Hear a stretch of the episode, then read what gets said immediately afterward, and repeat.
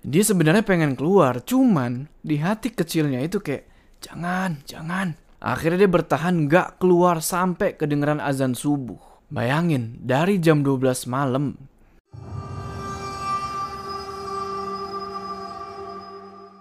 Assalamualaikum teman-teman, balik lagi sama gua Joe. Apa kabar kalian semua? Semoga kalian semua yang menonton video ini diberikan kesehatan, dilancarkan rezekinya dan selalu dimudahkan urusan-urusannya dan selalu diberikan perlindungan dari wabah yang sedang melanda dunia saat ini. Kali ini gue bakal nyeritain pengalaman horor di kosan lagi. Ya gue gak tau kenapa lagi demen nih cerita-cerita horor di kosan. Ya cerita ini dikirim dari seseorang yang sebut aja namanya Susi. Nah dia ini berasal dari desa yang jauh dari kota Padang sebut aja desa X. Susi ini udah berkali-kali ganti kosan. Di kosan pertama ada gangguan. Kosan kedua aman. Nah, tapi di kosan ketiga di situlah mulai mencekam. Penasaran sama ceritanya? Tonton video ini terus. Sebelum kita masuk ke cerita, jangan lupa kalian like video ini dan bagi yang belum subscribe, ayo subscribe sekarang ke channel ini supaya kalian gak ketinggalan cerita-cerita horor selanjutnya. Udah siap ya? Mode horor aktif.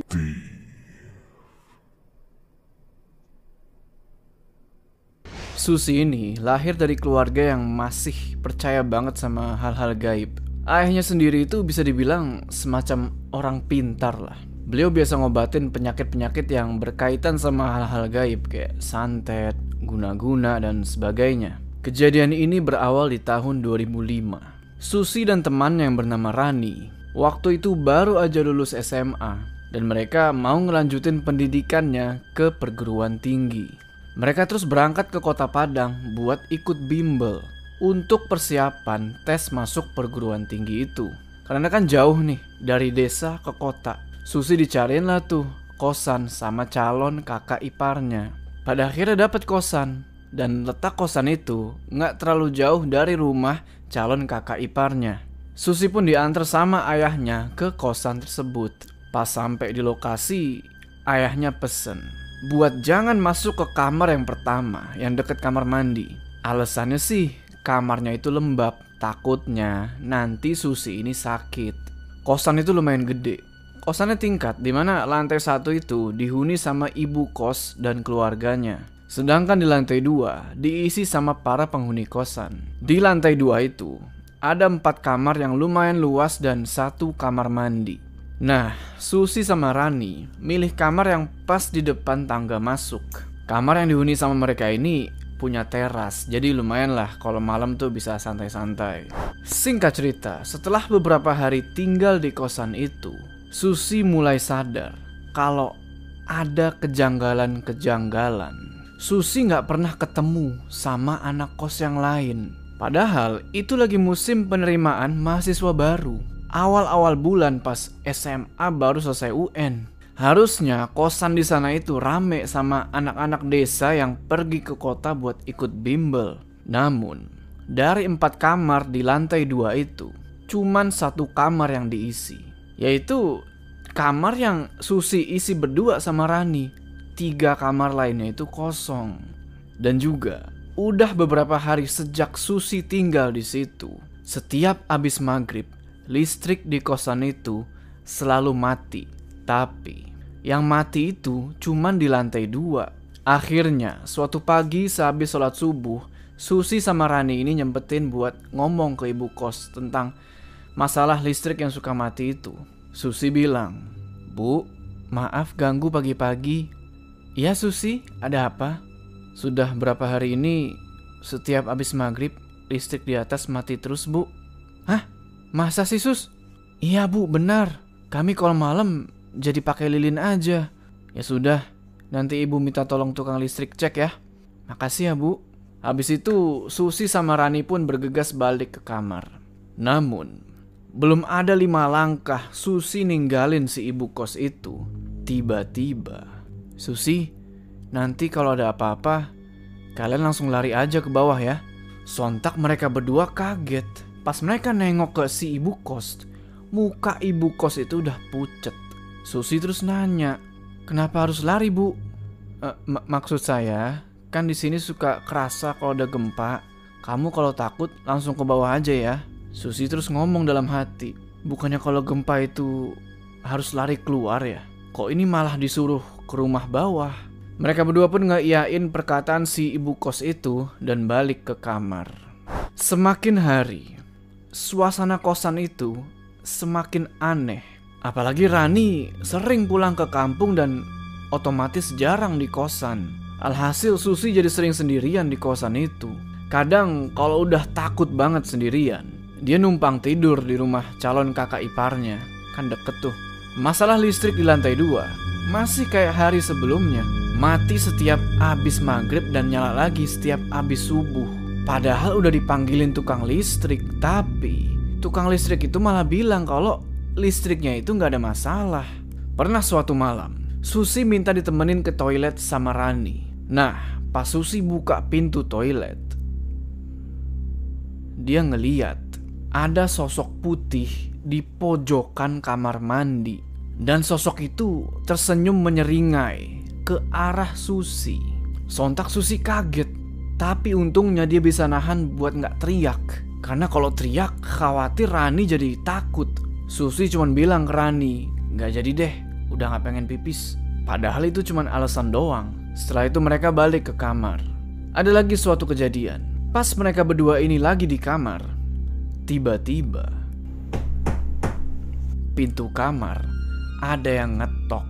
Karena takut, Susi sama Rani cuma diem dan nutup mata pakai selimut sampai akhirnya tidur. Singkat cerita, akhirnya bimbel selesai nih. Dan mereka pun pulang ke desa. Sesampainya di rumah, si Susi cerita sama keluarganya tentang apa yang dia alamin di kosan itu.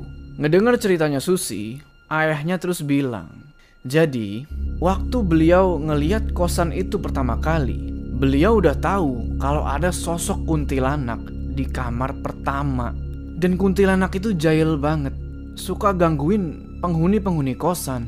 Nah, lampu yang suka mati pas abis maghrib itu, ya ulah dia. Karena kosan udah dibayar dan kalau pindah lagi itu nyari kosan yang baru agak susah waktu itu. Ayahnya Susi ini ngasih semacam pelindung buat di kamarnya Susi. Ngedengar penjelasan ayahnya itu, kagetlah dia. Pantes si ibu kos itu pernah bilang kalau ada gempa turun ke bawah. Sebenarnya bukan gempa, ada kunti di situ. Dan si ibu kos itu tahu setelah bimbel itu, Susi pun nyari tempat kuliah. Tapi sayangnya udah daftar-daftar ke beberapa perguruan tinggi negeri, dia nggak keterima. Jadi terpaksa dia kuliah di universitas swasta. Dan sialnya lagi, dia mesti ngekos di deket kampus barunya itu.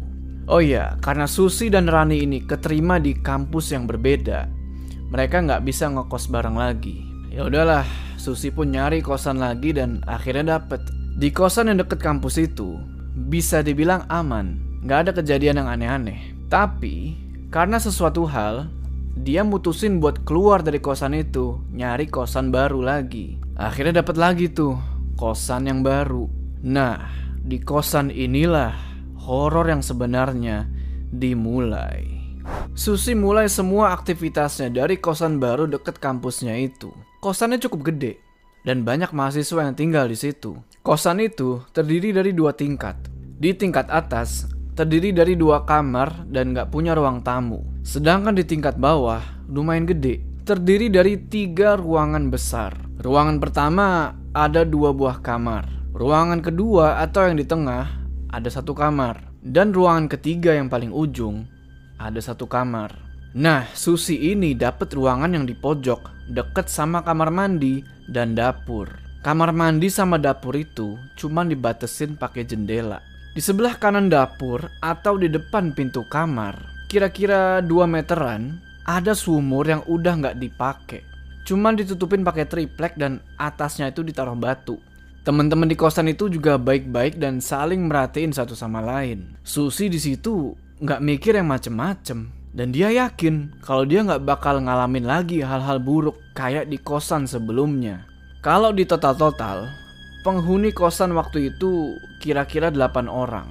Nah, Susi tinggal satu kamar sama Mayu, temen satu jurusan dia. Awal tinggal di kosan itu, semua berjalan normal, baik-baik aja. Dan dia pun berteman sama banyak mahasiswa yang tinggal di situ. Suatu hari pas liburan semester, Susi pulang nih ke desanya. Kalian inget kan?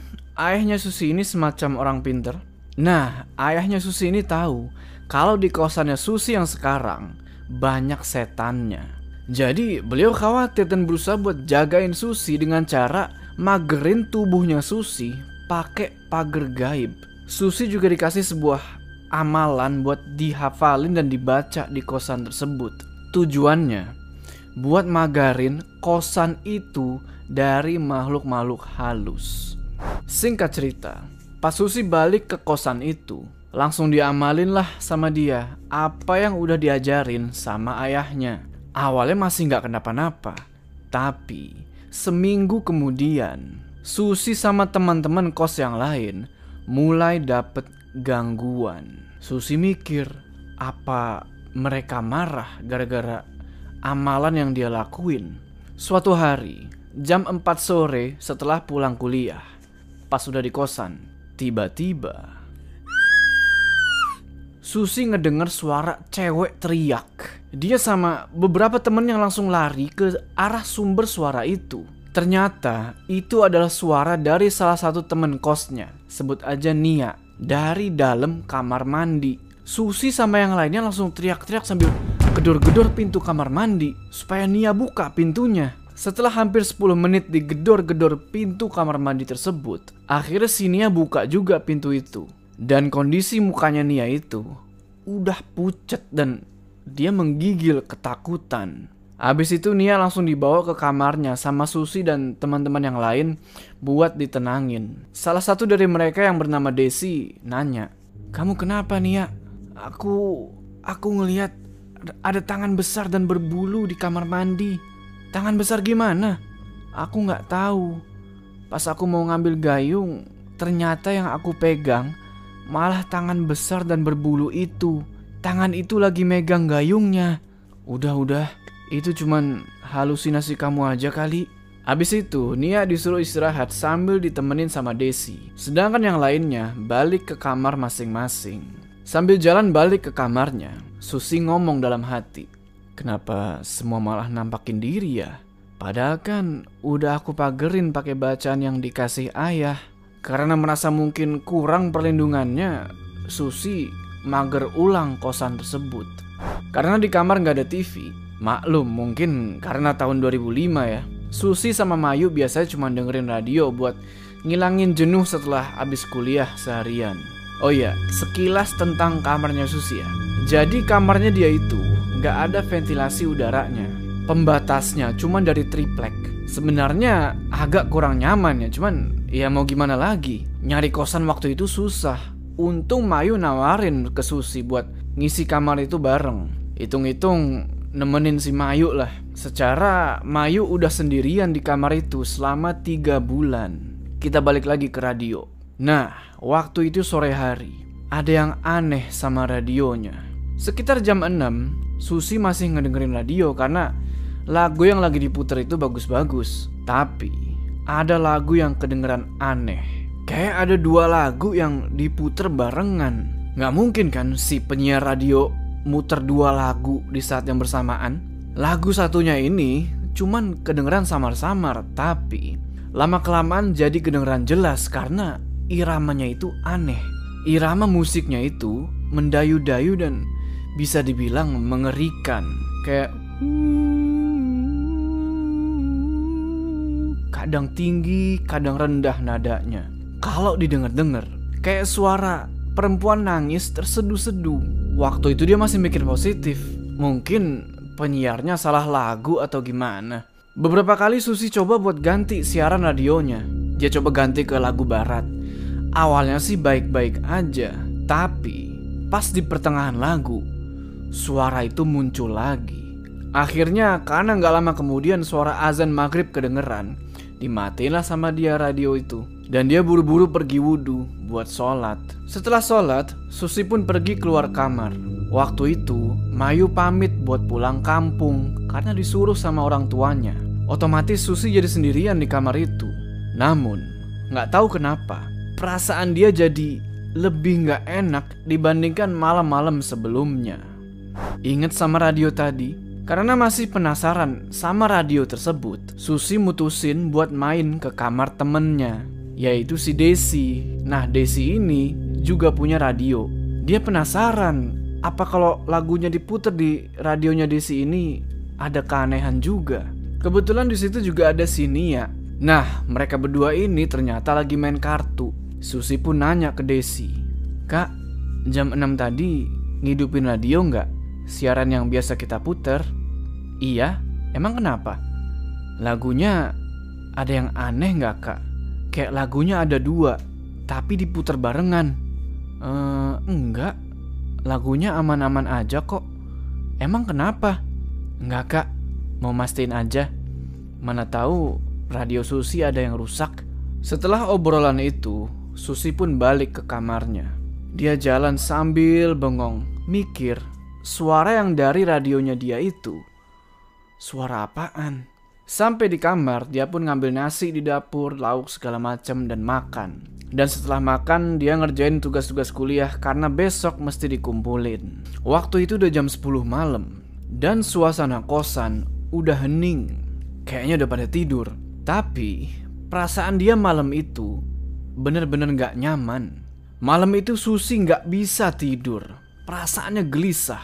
Padahal matanya itu udah ngantuk banget dia tuh ngerasa ada yang lagi merhatiin dia. Sampai nggak terasa udah jam satu dini hari. Dan tiba-tiba lampu mati. Susi terus buru-buru bangun dan ngambil senter yang ada di atas lemari. Dia berharap teman-teman yang lain bangun juga dan bener aja. Dia ngedenger kayak ada orang yang lagi jalan ke kamar mandi. Dia pikir itu temennya, di saat yang bersamaan, dia juga kebelet pengen buang air kecil. Gak lama kemudian, dia ngedenger ada suara guyuran air dari kamar mandi tersebut. Sontak dia pun keluar kamar dan pergi ke kamar mandi itu sambil gelap-gelapan. Cahaya cuma dari senter. Namun, lama dia tunggu di depan kamar mandi itu. Kok orang yang di dalam nggak keluar-keluar? Karena kelamaan, Akhirnya Susi beraniin diri buat ngetok dan nanya siapa yang ada di dalam kamar mandi. Karena nggak ada jawaban, pelan-pelan dia coba buat dorong itu pintu kamar mandi. Dan anehnya kebuka, tapi kok nggak ada orang di dalam. Dalam hati dia bilang, terus yang tadi siapa? Susi nyanterin ke seluruh sudut kamar mandi itu, tapi emang nggak ada siapa-siapa, nggak ada tanda-tanda bekas aktivitas. Karena ketakutan, dia langsung lari balik ke kamarnya lagi. Yang awalnya kebelet pipis, sekarang udah gak berasa lagi. Sampai di kamar dia langsung kunci pintu, pergi ke kasur dan nutupin seluruh tubuhnya pakai selimut. Berharap lampunya cepet nyala. Tapi sialnya ini lampu gak nyala-nyala. Lagi selimutan gitu, Susi berusaha buat tidur. Tapi, gak lama kemudian, dia ngedenger lagi suara guyuran dari kamar mandi. Dengar gitu, dia cuma bisa doa dalam hati berharap suara itu cepet-cepet hilang. Nggak kerasa, akhirnya Susi ketiduran. Dan dia kebangun pas azan subuh. Anak-anak kos yang lain udah pada antri di depan kamar mandi buat ngambil wudhu. Susi pun pergi juga ke kamar mandi dan di situ dia ketemu Desi sama Nia. Terus dia nanya, lampu mati ya kak dari semalam? Ah, masa sih? Kok kakak nggak tahu ya? Mungkin kita terlalu nyenyak tidurnya, jadi nggak tahu. Ngedenger itu, Susi cuman senyum kecut. Mengingat kejadian semalam, tapi dia nggak mau cerita tentang hal itu sama yang lainnya. Nanti takutnya seisi kosan malah jadi parno. Dua hari kemudian, Mayu datang lagi dari kampungnya. Susi seneng, akhirnya dia nggak tidur sendirian lagi. Masih ingat sama radio.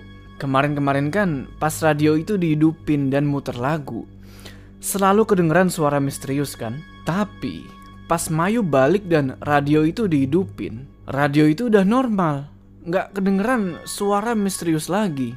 Susi semakin gencar ngelakuin amalan dari ayahnya itu buat magerin kosan dan kamarnya. Berharap gangguan-gangguan itu lenyap, tapi malah terjadi hal yang nggak terduga si Mayu mulai kelihatan aneh. Suatu ketika, Mayu ketawa cekikikan sambil ngeliatin Susi dengan tatapan marah dan emosi. Sontak Susi nanya, kamu kenapa yuk? Tapi Mayu nggak ngejawab. Dia cuma cengengesan ngeliatin Susi dengan tatapan marah.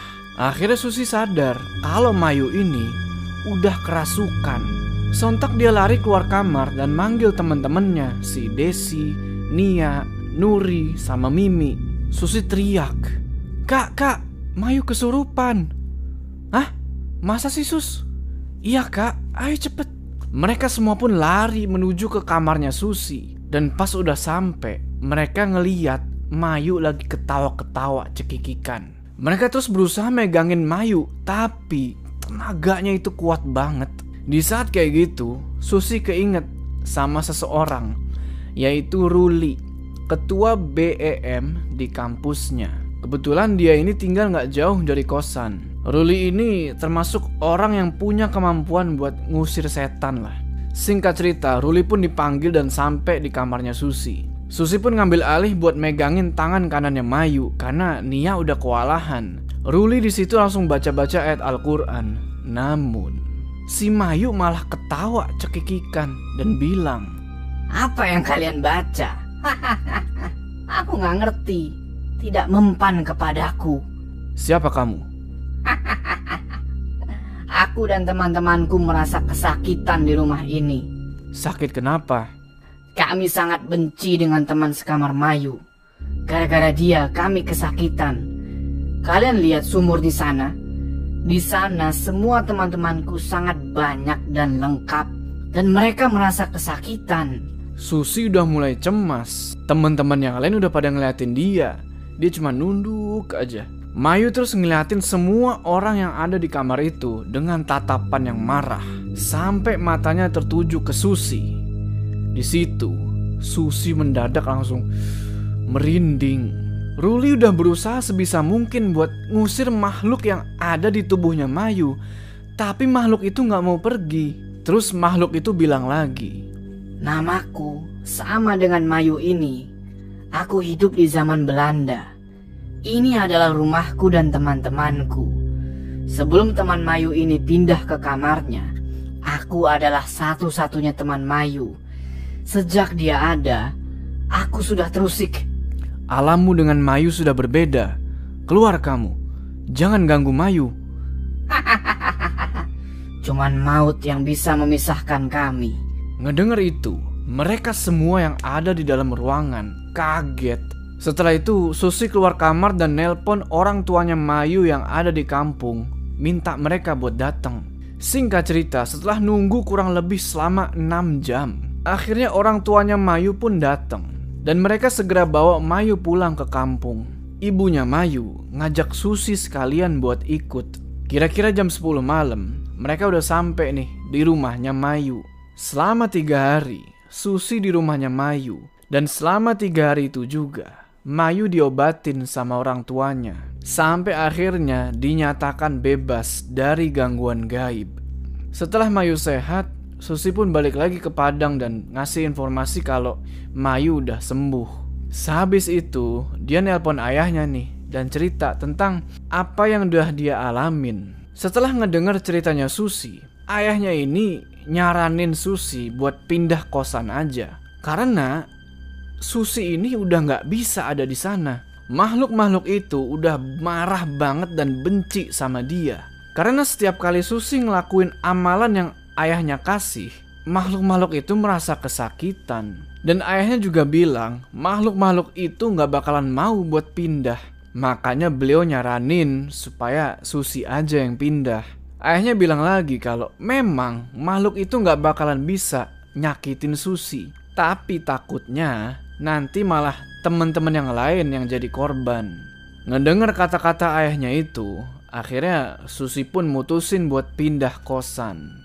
Minggu itu juga, Susi mulai nyari kosan baru. Dan akhirnya ketemu nih, kosan yang gak terlalu jauh dari kosan angker itu. Setelah empat bulan pindah dari kosan angker itu, suatu hari Susi diajak nginep lagi nih di kosan itu sama Mimi, temen satu kosannya dulu. Ingat kan? Mimi ngajak Susi buat nginep di kosan itu karena adiknya Mimi yang biasa nemenin lagi pulang kampung. Awalnya si Susi males lah balik lagi ke kosan angker itu karena pengalaman mengerikan yang dulu masih membekas. Tapi di sisi lain dia kasihan sama Mimi. Akhirnya dia iyain lah ajakan temennya itu. Singkat cerita, jam 9 malam, Susi sama Mimi udah ada di kosan itu lagi. Pertama kali napakin kaki di kosan angker itu lagi, udah ngebuat Susi ngerasa aneh. Mungkin karena pengalaman yang waktu itu, bener aja. Setelah mereka berdua ngobrol-ngobrol sampai sekitar jam 10 malam, Mimi udah tidur nyenyak. Tapi Susi gak bisa tidur. Gelisah aja bawaannya. Biasanya kalau nggak bisa tidur gitu ditambah perasaan gelisah, itu tanda-tanda bakal ada gangguan lagi. Nah di sini akhirnya dia mutusin buat magerin kamar tempat dia tidur. Pakai amalan yang dikasih ayahnya. Tapi cuman kamar itu aja ya, nggak seisi kosan. Kalau yang kemarin kan satu kosan itu dipagerin sama dia. Nah habis itu dia bisa tidur. Singkat cerita, pas jam 12 malam, Susi kebangun. Dia kebangun karena ngedenger ada suara berisik dari luar kosan. Ada yang teriak, maling, maling. Sontak dia kaget. Pikir dia, apa bener ada maling? Bunyi kentongan sama seng dipukul juga makin kedengeran. Ada suara orang lari-lari juga. Kayak orang ngejar maling gimana sih? Kejar maling, kejar. Penasaran lah dia. Dia mau bangunin si Mimi, tapi nggak enak karena si Mimi ini kelihatan tidur pules banget kayak kayak nggak ngedenger suara itu. Dia sebenarnya pengen keluar, cuman di hati kecilnya itu kayak jangan, jangan. Akhirnya dia bertahan nggak keluar sampai kedengeran azan subuh. Bayangin, dari jam 12 malam. Setelah subuh, baru akhirnya dia bisa tidur dan bangun lagi jam 8 pagi. Pagi itu, Susi pamit sama Mimi buat balik ke kosannya. Sambil turun ke bawah, Susi ketemu sama Nia di tangga. Sekalian nyapa, Susi nanya ke Nia, semalam ada maling ya kak? Gak ada kok, gak ada apa-apa.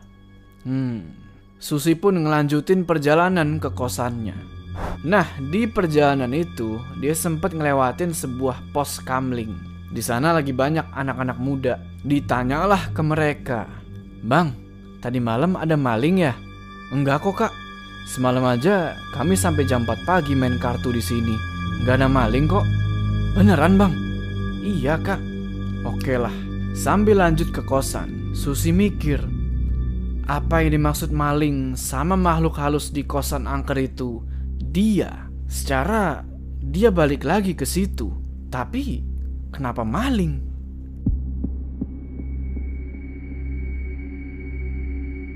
Oke teman-teman, gimana tuh tadi ceritanya? Tulis pendapat kalian di kolom komentar ya. Gimana? Dari kalian ada yang punya pengalaman serem lain nggak di kosan? Sebelum kita berpisah, jangan lupa kalian like video ini dan bagi yang belum subscribe, ayo subscribe sekarang ke channel Ayo subscribe sekarang ke channel ini supaya kalian nggak ketinggalan cerita-cerita horor selanjutnya. Gua Jo, sampai ketemu di cerita selanjutnya. Kalau kalian berani,